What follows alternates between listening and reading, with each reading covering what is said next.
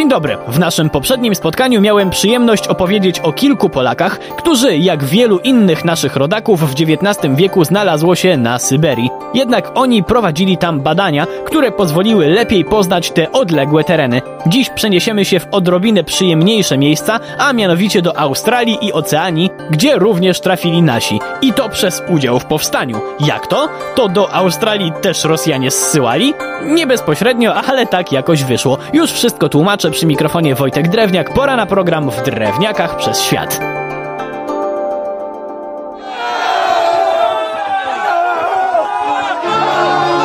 Poznajmy Pawła Edmunda Strzeleckiego, geologa, podróżnika, geografa, ale wcześniej powstańca listopadowego. Nie ma się co oszukiwać, powstania nie do końca udanego. Żeby uniknąć zemsty zaborcy, pan Paweł uciekł do Anglii, gdzie w ciągu kilku lat bardzo wkręcił się w geografię. Niektórzy tego typu pasje ograniczają do czytania książek i zbierania map, ale to nie był taki przypadek. 8 czerwca 1834 roku Strzelecki wsiadł w Liverpoolu na statek Virginian i jako pierwszy Polak w dziejach wyruszył w podróż dookoła świata. Pierwszym przystankiem była Ameryka Północna, gdzie nie tylko podziwiał piękne okolice, ale też przy okazji odkrył w Kanadzie złoża ród miedzi. Następnie ruszył na południe. Zawitał do Meksyku, gdzie poznawał lokalnych Indian, później był w Brazylii, Argentynie i Chile. Generalnie przebył wszerz cały kontynent, po czym ruszył na Hawaje pooglądać sobie wulkany.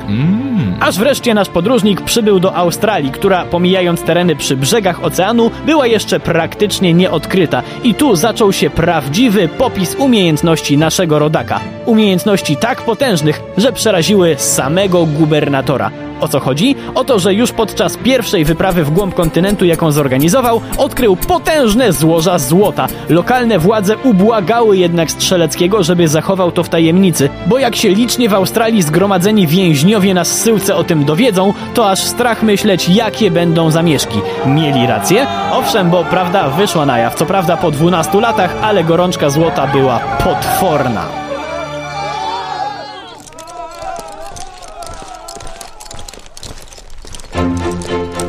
Druga wyprawa naszego odkrywcy przyniosła kolejne wielkie odkrycie, dosłownie wielkie, bo pan Paweł odkrył, po czym od razu zdobył najwyższy szczyt Australii. A potem jeszcze go nazwał i to tak, że do dziś niektórzy Australijczycy mają problem z tym, jak powinno się wymawiać nazwę Góra Kościuszki. To oczywiście nie wszystko, bo Strzelecki zbadał też dorzecza najważniejszych rzek, odkrył nowe miejsca, w których można się było spokojnie osiedlać, analizował skład gleb i szukał węgla. To wszystko oczywiście trochę trwało, ale jak na tak tęgie osiągnięcia, to i tak nie jakoś przesadnie długo, bo 4 lata. Po ich upływie Polak udał się w dalszą podróż i trafił do Chin, Indii, Egiptu, aż w końcu wrócił do Anglii z tak wielką wiedzą o świecie, że głupi by był, jakby o tym książki nie napisał. Na szczęście był mądry i napisał. Co więcej, dostał za nią w 1860 roku tytuł doktora honoris causa na Oksfordzie. A, i sama królowa Wiktoria przypięła mu na piersi dwa ważne ordery.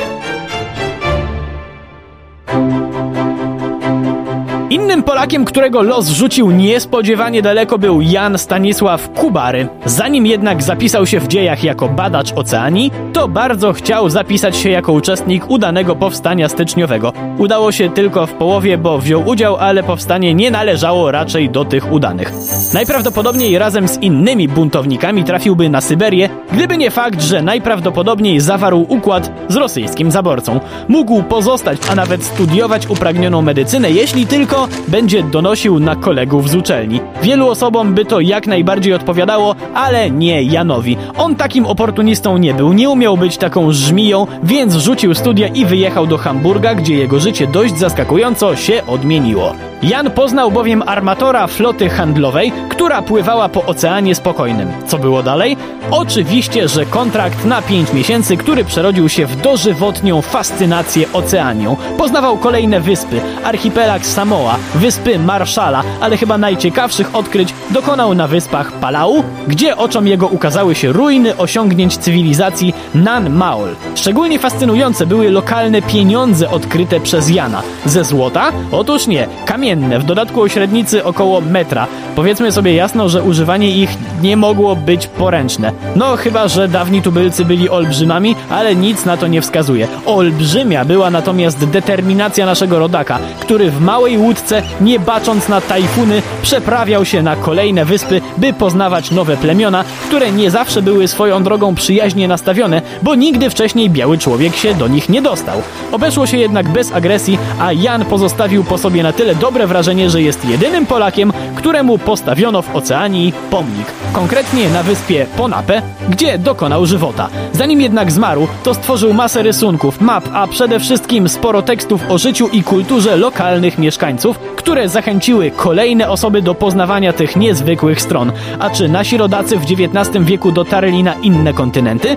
O tym opowiem już w kolejnym naszym spotkaniu. Przy mikrofonie był Wojtek Drewniak. Do usłyszenia!